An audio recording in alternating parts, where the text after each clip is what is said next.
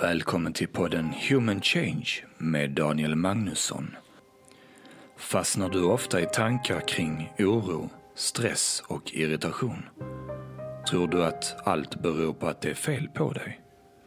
Då vill jag välkomna dig till podden som guidar dig till förståelse om hur vi människor fungerar egentligen. Genom denna förståelse kan vi leva ett liv fullt av kärlek och harmoni. Ditt ljus och hopp när allt verkar mörkt och hopplöst. Så låt nu Daniel guida dig till den stillhet vi alla letar efter. Där slutstationen är välmående och glädje. Lyssna och njut. Hej och välkommen till podcasten Human Change med mig Daniel Magnusson och den här programserien Psykisk ohälsa, nytt ljus och hopp. Idén till den här programserien fick jag efter att ha pratat med flertalet personer på ett forum där jag då är volontär. Personerna som tar kontakt, vänder sig till det här forumet, mår oftast väldigt dåligt eller känner sig ensamma och jag kände att jag vill på något sätt skapa en resursbank i ljud och videoform där fokus är då psykisk ohälsa och eh, min förhoppning är på något sätt att kunna skapa eh, nya perspektiv och ett nytt ljus runt det hela. Eh, och människorna som, som hör av sig ofta, lider oftast av exempelvis oro, ångest, depression, stress, utmattningssyndrom, självskadebeteende och självmordstankar. Och jag vet att det som jag och mina gäster pratar om och vi kommer, kommer lyfta kan ibland upplevas som väldigt provocerande och utmanande eftersom ibland låter det alldeles för enkelt. Och det, i, i vissa fall även kanske gå helt tvärt emot, 180 grader mot vad, vad, vad du och jag, vad de flesta fått lära sig. Eh, både från samhället, från experter, läkare, psykologer, terapeuter etc. Eh, och, och, även om, om, om vi har fått lära oss någonting från någon så har det, ju, har det ju skett med en god intention och en god tro för att man tror att det här är rätt. Jag kan bara titta på mig själv, vad jag har pekat åt för håll tidigare eh, utifrån det jag har förstått och vad jag har trott på tidigare. Men nu har jag, men även mina gäster, börjat sett någonting nytt. Någonting som går verkligen tvärt emot och skapar mer hopp skulle jag säga. Eh, och, och det är det jag uppmanar dig till att lyssna efter. Lyssna efter någonting som, som känns rätt i dig, som känns sant för dig, även om det går tvärt emot. Och jag hoppas i alla fall att de här eh, samtalen som jag har med mina gäster och, de här avsnitten kommer hjälpa dig att komma till nya insikter som kan hjälpa dig att må bättre. Och är det så att du tar mediciner idag och du får så pass stora insikter att du känner att du kanske vill sluta helt eller minska intaget så vill jag verkligen uppmana att du gör det i samråd med din läkare. Eh, att göra på egen hand kan skapa allvarliga komplikationer och syftet handlar inte om att ta medicin eller inte ta medicin utan det handlar om att hjälpa dig som lyssnar att eh, må bättre, att sprida ett ljus och hopp ett nytt ljus och hopp runt psykisk ohälsa så att vi kan landa i psykisk hälsa. Med det vill jag önska dig all lycka i livet och eh, lyssna in. Varmt välkommen Joakim Rasmussen. Tack så mycket. Du, eh, oro ska vi prata om idag. Ja. Och du har ju varit med och pratat in ett avsnitt tidigare också om ångest och sen också om eh, kärlek. Mm. Eh, och de avsnitten kommer jag eh, länka till här nere i beskrivningen, säga på en gång så det är, är klart och tydligt. Eh, och sen så driver du, du jobbar både som, du coachar ju personer och, och sen så eh, har du också din egna podcast. Icke Jajamän. att förglömma, icke att förglömma, din sikt i livet. Ja. Eh, varmt, varmt rekommenderat att, att lyssna in på den. Eh, och jag, som jag sa till dig förut Joakim, när jag lyssnade på ett av dina senaste avsnitt så tyckte jag, jag sa bara, du, när du läste från din bok också, var så himla klart och tydligt hur du beskrev eh, processen utifrån det du pratade om då. Um, och, um, ja. och sen det, det, största tror jag i och för sig, det är ju nog att du är ju, är ju rösten till mitt intro också. så, så att, uh, har man hört introt och inte hört Joakim så kan man få göra det nu också. Uh, men uh, varmt välkommen. Tack så jättemycket Daniel. Um, så oro då? Vad, berätta, vad, vad, när du, vad, du fick ju välja, så valde du oro. Vad fick du att välja oro? Vad, vad skulle du vilja skapa lite för nytt ljus och hopp runt det, tänker jag? Okej, okay. för att skapa ljus kring det så kanske det är bra att börja var, alltså, var det började någonstans, vad jag tänkte på när jag valde just det ämnet. Mm. Och då kom jag på att under min uppväxt så har jag mått väldigt dåligt.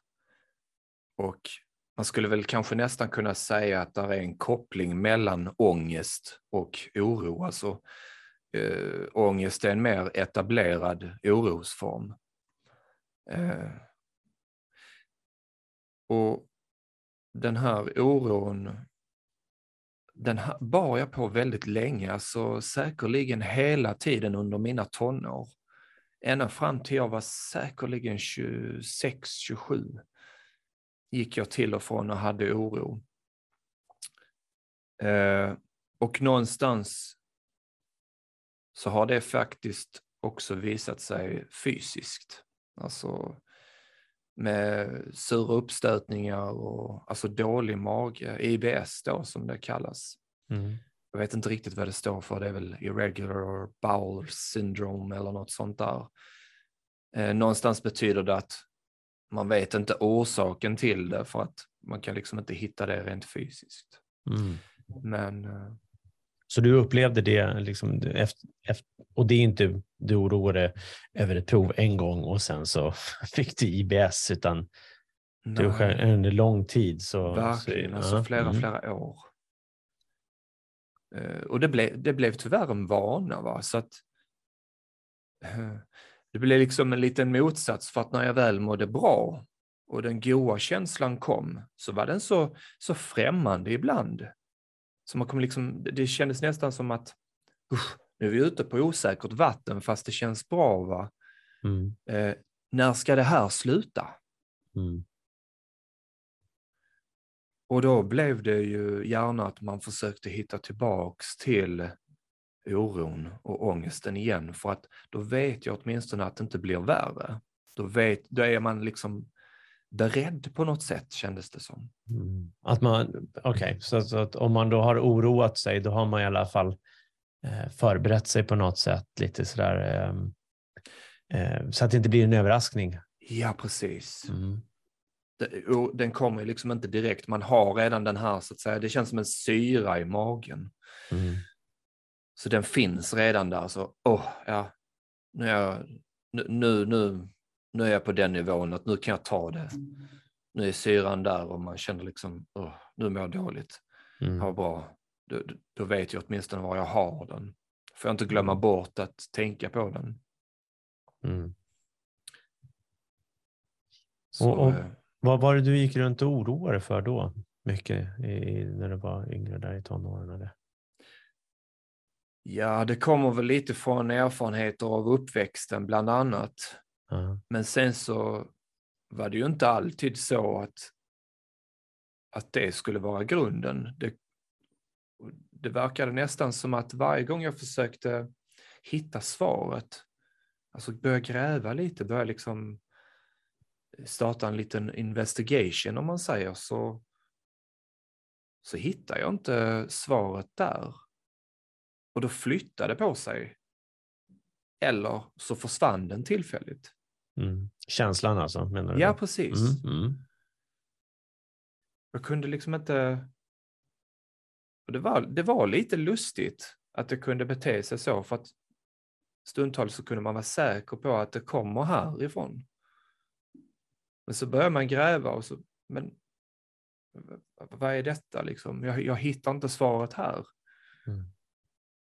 Och så kommer känslan igen och så tänker man, men vad, vad är det nu då? Om det inte är mm. det här, då, vad skulle det då vara? Så börjar man liksom, och ibland kunde man inte ens börja leta för man vet inte, man tittar ju alltid utanför. Va?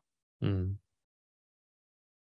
Är, det, är det på grund av att jag ska jobba imorgon eller är det, är det den personen eller är det den här personen eller är det för någonting jag har gjort tidigare eller man kunde liksom aldrig placera riktigt. Så det var precis som att det gled undan så fort man sökte sätta fingret på det. Mm, mm. Och vad, vad, är det vanligaste missförståndet runt oro då, skulle du säga? Det vanligaste missförståndet det är just att man letar utanför. Mm. Man försöker liksom hitta lösningen någon annanstans. Och man inser inte att det kommer från en själv. Det är liksom... Man, man, man snurrar in sig kring... Man, man får en känsla, sen snurrar man in sig i vilken tanke, man får någon tanke som lite sådär, kan det vara detta? Och ju mer man tänker kring det så blir det nästan sant som att, ja men det är nog det här. Mm. Och så är det en... Det blir väldigt mycket antagande har jag märkt. Man antar en massa saker, man dubbelkollar liksom inte. Man ifrågasätter inte på vägen utan man bara antar tio steg på raken kanske och sen helt plötsligt så är man där. Mm. Så när man när man är i ett läge där man inte är så orolig så skulle jag väl vilja säga att det är just då man kanske skulle fundera lite på hur vi egentligen fungerar. Att faktiskt eh, försöka syna den lögnen eller se hur det egentligen ligger till. Mm. En, inte för att jag säger det, men lite för att se själv. Vara lite öppen och lite nyfiken.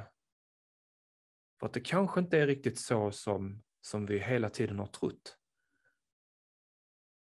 Vara lite skeptisk. Men framförallt nyfiken. Det tycker jag är en viktig poäng. Att vara Mm. nyfiken. Mm. Att vara öppen för att se det på ett annat sätt.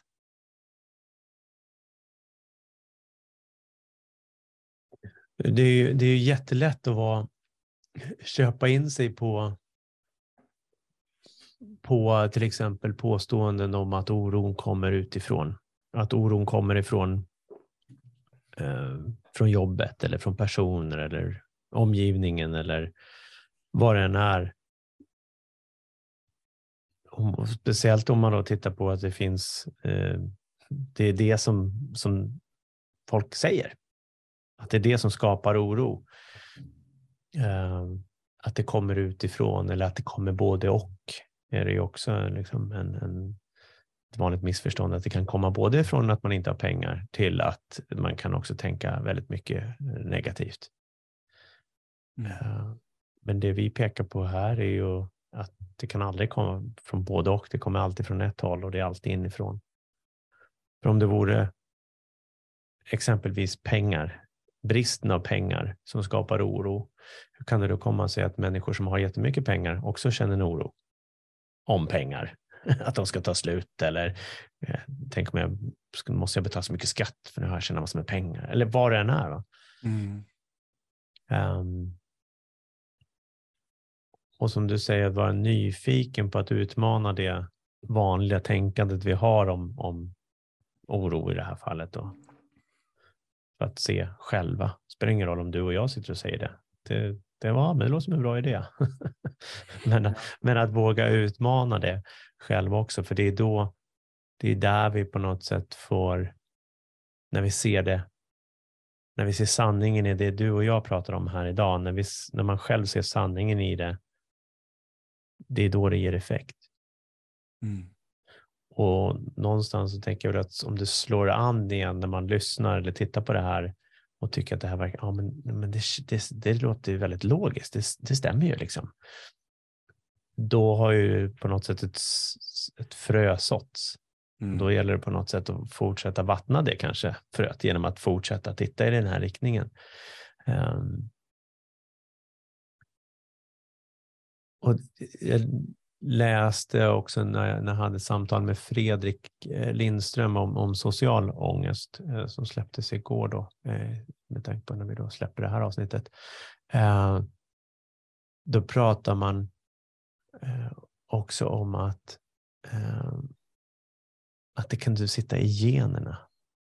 Mm. Eller om det var depression. Nej, depression var det. Mm. Det, det läste jag aldrig upp, men jag läste det på 1177, att det kan sitta i generna. Som, att, att det är det som gör att man kan liksom, eh, vara, ha mer, vara mer sårbar på något sätt. Mm. Så det, det, finns ju, det finns ju mycket missförstånd runt det hela, skulle jag säga. Uh, tyvärr. För om det nu skulle sitta i generna, då skulle vi inte ha typ Cecilia Hector som var otroligt deprimerad. Jag vet att du också varit det, Joakim. Mm. Men då, då, skulle inte de bli friska och må så pass bra som de gör idag. Om det satt i generna. Nej, det, för generna kommer vi ju inte ifrån. Nej. Precis. Och det är ju alltså, det är ju ganska tragiskt om man då skulle få, få någon som säger till en att det är generna. Mm. Det känns ju ganska kört då. Ja, verkligen. Det är sån du är. Okej. Okay. Wow. Ja. ja.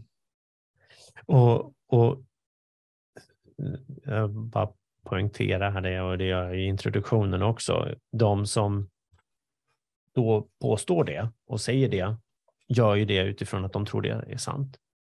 Ja. Enligt studier. Ehm, men, men någonstans så måste man också titta på vad från vilken premiss börjar man titta när man gör en studie? Ja. Och just den här premissen. Jag tror någonstans att man redan börjar när den premissen redan är lagd.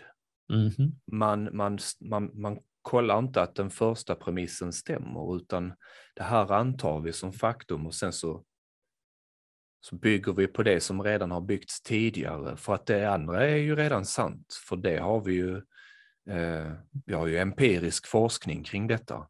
Mm. Mm. Men eh, det där är väldigt invecklat om man, om man tittar egentligen med statistik och så. Det är mycket antagande. Och det är klart att om, om man har, nu ska jag inte dra upp hur man gör en forskning, men, men när, när man gör en forskning som helhet så har man ju en fråga man ställer, sen så försöker man ju falsifiera den här frågan. Mm. Man försöker se om den stämmer.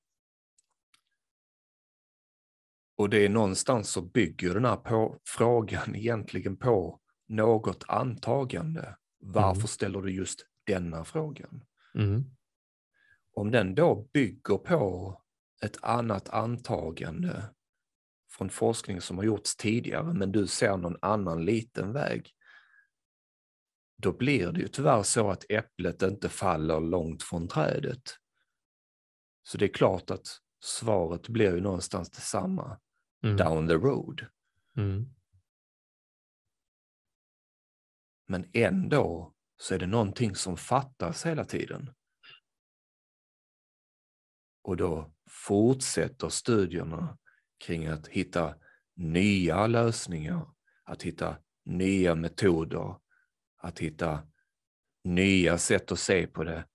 Fast vi kör ju egentligen vattnet genom samma smutsiga filter. Mm. Mm. Ja, det var en bra liknelse tycker jag. och man hoppas att det ska bli renare då, fast man Ja. fortsätter i samma, samma håll. Um, och oskyldigt såklart. Eh, Absolut. För att, men, men, men det är ju för att vi, vi, vi kommer från någon premiss om och tror att det är på ett visst sätt så, så kommer vi ju titta med de glasögonen. Eller de ögonen. Um, och, och ett annat missförstånd eller missförstånd vet jag, men, men jag kan höra det ibland, att, att det är bra att oroa sig. Är det det?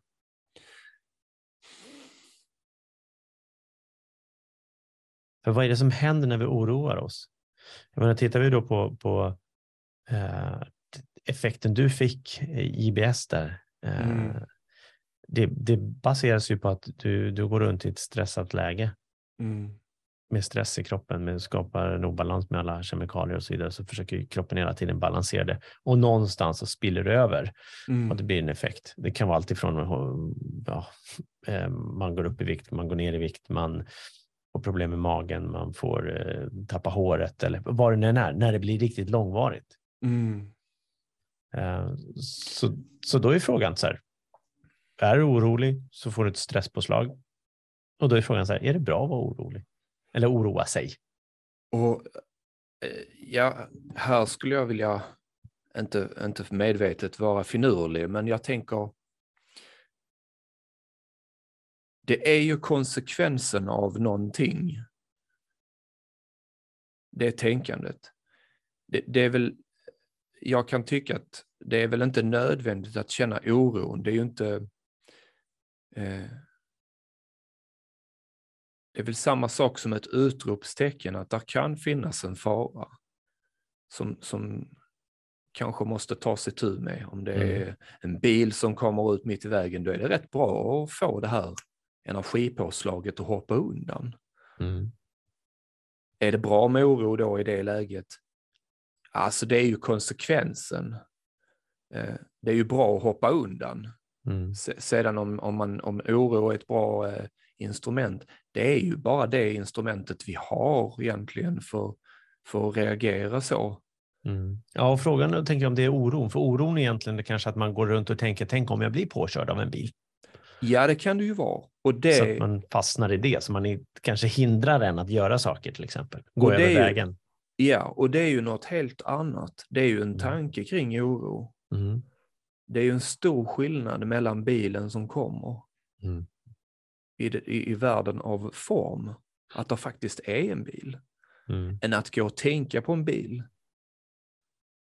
För att, att, att den tänkta bilen blir ju, den kan ju aldrig köra ihjäl en va? Mm. Eh, Men däremot så kan känslan kännas densamma som att det skulle komma en bil på riktigt. Mm. Så, men sen så kan det ju vara så att man inte alls blir orolig när det kommer en bil på riktigt. Man kan ju ändå vara beredd. Mm. Så Exakt. oron i sig kanske pekar den egentligen bara på att man tänker för mycket. Alltså som en stoppskylt. Stanna. Och gör man inte det, då blir stoppljuset starkare och lyser mer. Det är kanske det som oron pekar på. Mm. Att, att man någonstans, eh, det finns kanske, nu har jag spelat för mycket spel här, men man kanske går in i en radioaktiv zon. Ju mer du kommer närmare kärnan till det radioaktiva utsläppet, desto värre blir ju påverkningarna av det radioaktiva. Så det är bättre att bara gå därifrån, liksom backa. Och vad jag menar är att börjar man gräva i det här med, oh, är det utanför? Vad, vad är det jag ska leta efter? Vad är det som gör mig orolig? Nej, vänta lite, vänta lite, vänta lite, vänta lite. Nu backar vi här. Mm. Det är just det här du inte ska göra. Vadå, vadå? Du ska inte titta utanför. Nej. Det är kanske det oron säger. Mm. Precis. För vi kan ju verkligen syna det när vi ligger i sängen och oroar oss över någonting, som ett exempel. ett möte eller framtiden som är oviss och så vidare. Eh, som den alltid är. Eh, så, så, så blir det ju på något sätt ganska tydligt att det sker ju inte nu. Utan det kommer ju från mina tankar. Men, men när vi ligger i sängen så kan det ju kännas som att det är det här mötet som vi ska gå på eller eh, vad det nu än är som, som skapar oron just nu. Mm. Så vi, vi synar det ju ganska lätt själva, men, men vi, vi, vi tror att det är kopplat till någonting där ute. Alltid ja, eller mm. många gånger blir det ju så. Mm. Att, man, eh, att man gör det. Jag gör ju det själv idag också. Mm. Eh, och jag vet att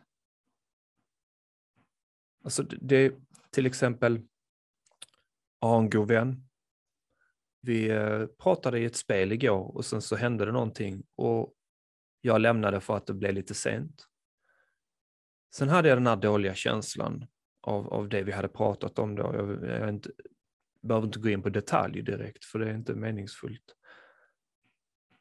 Men då gick jag med den här dåliga känslan och jag kunde liksom inte släppa den och jag visste någonstans att ja, jag är medveten om detta. Du vet att du skapar det själv och så här och sen mm och ändå är du fast i dina egna tankar och sådär. Så det, det gick liksom väldigt mycket upp och ner så här, fram och mm. tillbaks. Men jag kunde samtidigt se att när jag tänkte på det så kändes det, när jag inte tänkte på det så försvann det. Mm. Och då kom jag till jobbet idag. Så hade jag fortfarande den här tanken kvar. Men då hittade jag också lösningen på vad jag skulle göra. Och då, jag tänkte faktiskt, när jag kom på den lösningen så har jag faktiskt, eh, jag brukar anteckna en jädra massa. Mm. Så jag kan faktiskt läsa upp det jag skrev med den insikten jag fick. Mm. Och då är det viktigt att säga det att detta är inte en metod. Detta är det jag såg i den stunden som löste det för mig som fick mig att bli liksom lagom. Mm. Och det var så här. Be om ursäkt, även om det inte är ditt fel. Eftersom vi alla kan göra fel spelar det ingen roll vem som börjar. Det viktigaste är att släppa och det görs lättast om det inte sitter någon på gungbrädan. Inte som en metod, utan som en insikt. När det känns som en lösning av kärlek så går det inte fel. Mm. Vad jag menar med gungbrädan, det är liksom att man tänker sig två barn, nej, jo, nej, jo. Men att man istället hoppar av och säger, jag är, jag är inte med. Mm. Jag tänker inte sitta här och säga emot dig.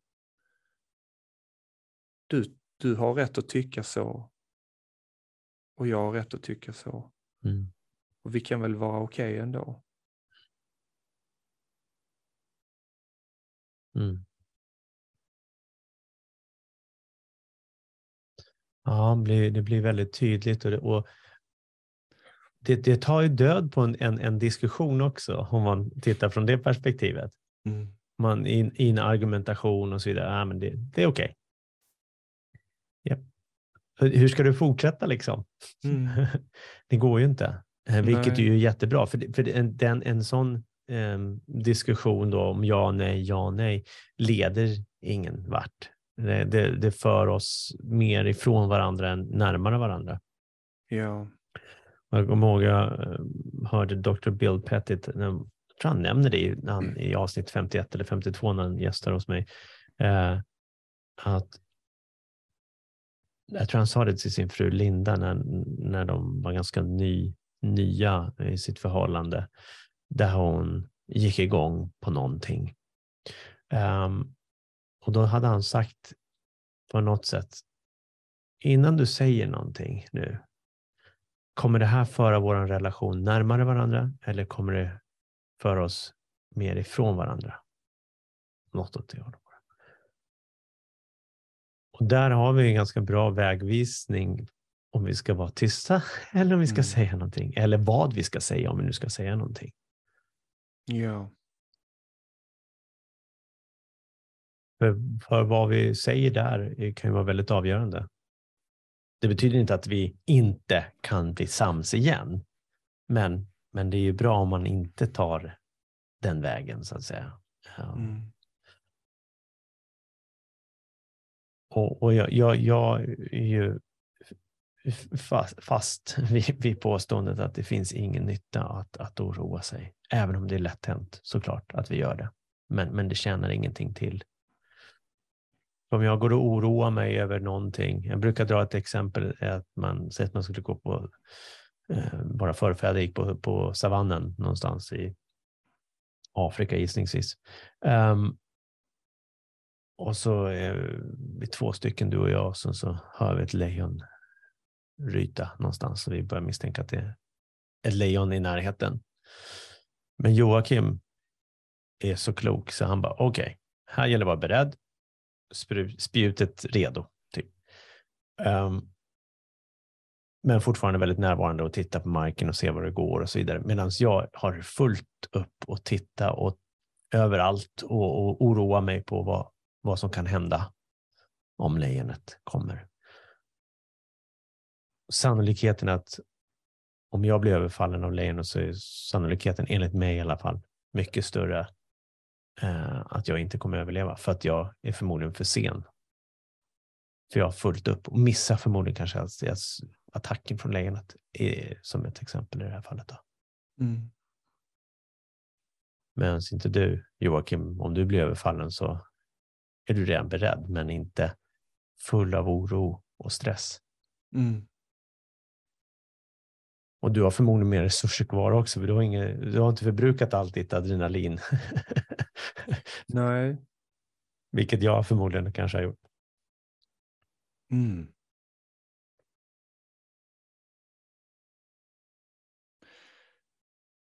Ja, eh, den, den eh, visdomen vi har när vi inte oroar oss, den vinner alltid över oron Mm. i den stunden vi tänker över oron eller har oro. För det är ju det är ju just den stunden där huvudet blir fullt. Där man tar in allt onödigt. Det, det är det som är, blir en oro. Mm. Så jag är beredd att hålla med dig att det inte är något positivt med oro att känna den. Men samtidigt så är, kan jag också se det som att det är bra att veta när man har skadat sig. Mm. Det är ju inte kul med smärta. Smärta är ju inte det viktiga i fallet. Men den påminner sig om att någonting är fel. Mm. Ja, ja, verkligen. Så det, det är ju lite vad man, hur man tolkar oron. Ja. Om man ser den som att man måste göra någonting, att det är någonting viktigt bakom, Mm. då kan det skapa mer tankar Mm. och då känns det ju mer. Mm. Och jag tror det är mycket det som, som jag fastnade i. Jag trodde någonstans att oron räddade mig. Jag blev ju beroende av att vara orolig. Jag tänkte hopplösa tankar just för att liksom känna oron, för det kändes, ja, som sagt, eh, uncharted water, liksom. Mm. Mm. Jag visste inte vart jag var på väg annars om jag inte hade oron. Mm. Den var min kompass. Mm. Väldigt dålig sådan, men Ja, men, men, men, men, men det var- den du hade och du trodde att den pekade rätt, fast den inte gjorde det. precis. Mm. Och jag trodde alltid det var utifrån. Ja. Precis, för, för det betyder ju inte att man inte ska planera. Liksom. Planera och, och liksom, okej, vad finns det för risker med det här? Ja, men de här. Och det är ju en annan sak att göra en riskanalys om någonting, men sen inte fastna i det. Mm. För det, här, det kommer aldrig hjälpa oss, liksom. för då, då är det som du sa, då blir det väldigt fullt. Vi, vi har svårt att hitta klarheten. Men vi har inte ett klart sinne just då. Nej. Man kan använda jättemånga olika metaforer, men det är precis som att vad, vad har man för nytta av Google till exempel om man bara får lov att söka ett ord? Mm. Jag vill kunna söka alla. Mm. Så, så varför ska jag då på förhand tänka att så här kommer det bli? Mm. Mm. Det blir ju sällan så. Mm. Däremot, ska jag åka någonstans, ja det är det bra om jag ska flyga, liksom att jag bokar biljetten. Mm. Men frågan är när ska jag boka den? Ja, jag måste ju boka den nu. Mm. Det är ju nu det är dags för bokning av biljett. Flygandet sker inte nu, men Nej. bokningen gör det ju. Mm. Och det sker ju alltid i stunden av nu. Flygandet kommer också ske i stunden av nu. Mm. Mm. Du, ehm, jag tänker vi rundar av. Och eh, är det så att man, man är intresserad av att komma i kontakt med dig Joakim så kommer det finnas eh, information i avsnittet. Eh, lyssna på Joakims fantastiska podcast, Din sikt i livet, säger jag återigen. Um, Finns det något sista som du skulle vilja säga?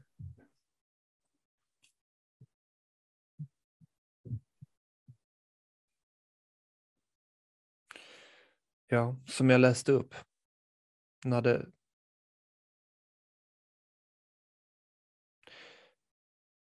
Lyssna till, till den stunden då man känner oro eller då ångest till exempel. Sök och se vad det, var, vad det är som skulle lösa situationen.